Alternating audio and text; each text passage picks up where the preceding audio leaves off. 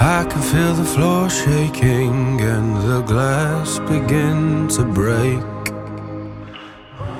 The air is getting thinner with every breath that I take.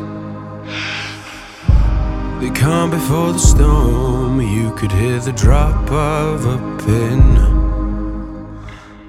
Never been claustrophobic, but now the walls are closing in.